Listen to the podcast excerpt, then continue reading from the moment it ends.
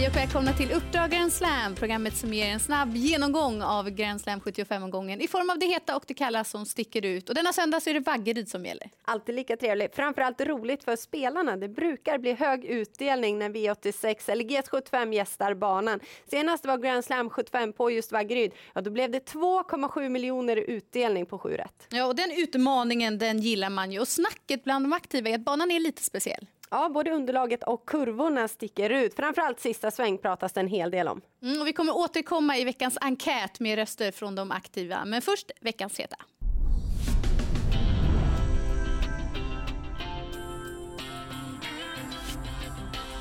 I den första avdelningen har jag gillat intrycket på 10 Amiral Lima. Han fick visserligen en fin resa senast men vann åkandes på lätta ben. Han står rätt så hårt inne i loppet men med tanke på de tider han tidigare har presterat så tror jag att han duger bra i den här omgivningen.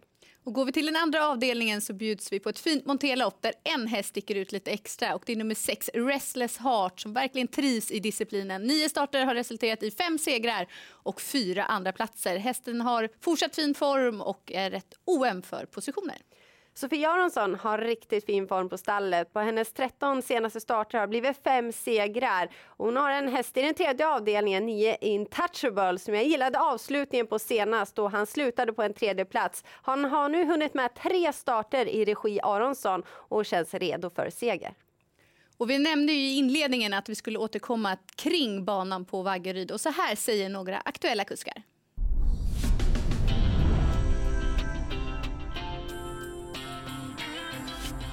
Vissa menar att Vaggerydsbanan är lite speciell. Vad tycker du?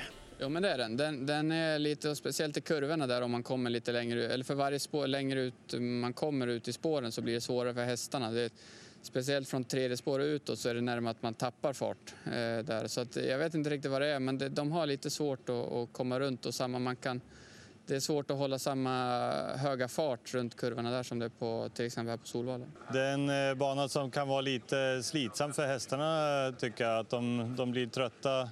Även om man kör långsammare så, så märks det på dem och de, eh, de, blir, eh, de får lättare lite mjölksyra där. Men den är lite snävare kurvor där så att, och det är inte lika mycket dosering som exempelvis på Solvalla så att det, det är lite svårare för att hålla väldigt hög fart in i den kurvan. Och, det kan ju vara, har du en bra häst så är det bättre att vara framme tidigare ska jag tänka. Ja, men det är bara att instämma. Jag har kört en hel del på Vaggeryds trav och det är svårt att plocka in längder i sista sväng, även om jag har lite svårt att förklara varför. Men det gör ju också att det händer en del i loppen och i den fjärde avdelningen så tror jag på skräll i form av nummer åtta Prima Kaiser som har visat att han trivs på längre distanser. För tre starter sedan på V75 på Kalmar så fick han trafikproblem på bortre långsidan men avslutningen var kanonbra bakom guldhästarna Husseboko och Shocking Superman.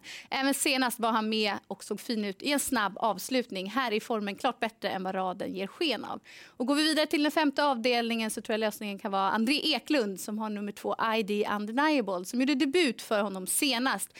Tyvärr var hästen sjuk och man har varit hemma och kurerat honom. Nu tränar han starkt och den här hästen tror jag har lite för lite pengar på sig i den här klassen som han befinner sig i. Nya tag. I den sjätte avdelningen så är jag väldigt spänd på att se Robert Bergs nyförvärv i nio Global Wizard.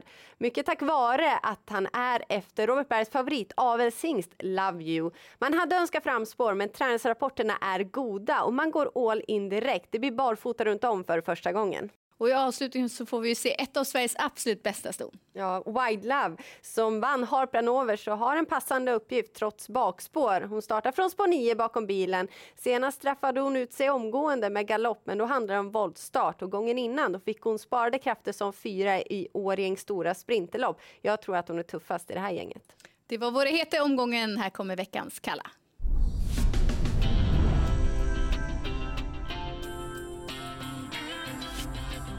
Nummer två, Miss Moneypenny i den tredje avdelningen, är jämn och säker. Men hon har än så länge inte vunnit lopp i Sverige och hon vinner inte lopp på beställning. Och går vi till den fjärde avdelningen så har nummer nio Golden Evasion fin form och det är spännande med Björn Goop upp i vagnen.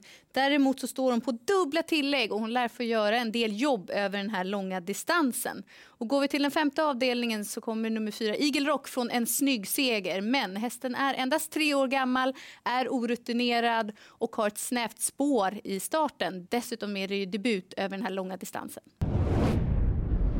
Ja, en rolig söndag har vi framför oss från Vaggarydstravet. Och om du bara får lyfta fram en häst, Jennifer. Ja, men jag vill prata om Sofia Aronssons stallform. Då. Hoppas att den håller i sig. Nian touchable i den tredje avdelningen. Hoppas jag får sätta nosen först. Och jag letar skräll då i den fjärde avdelningen. Glöm inte nummer åtta, Prima Kaiser. Ja, men det är väl klokt gjort. Vi har ju sagt att det blir rätt bra utdelning på just Vaggerydstravet. Ja, vi hoppas. Vi får se hur svårlöst det är på söndag. Häng med oss, Grand Slam 75.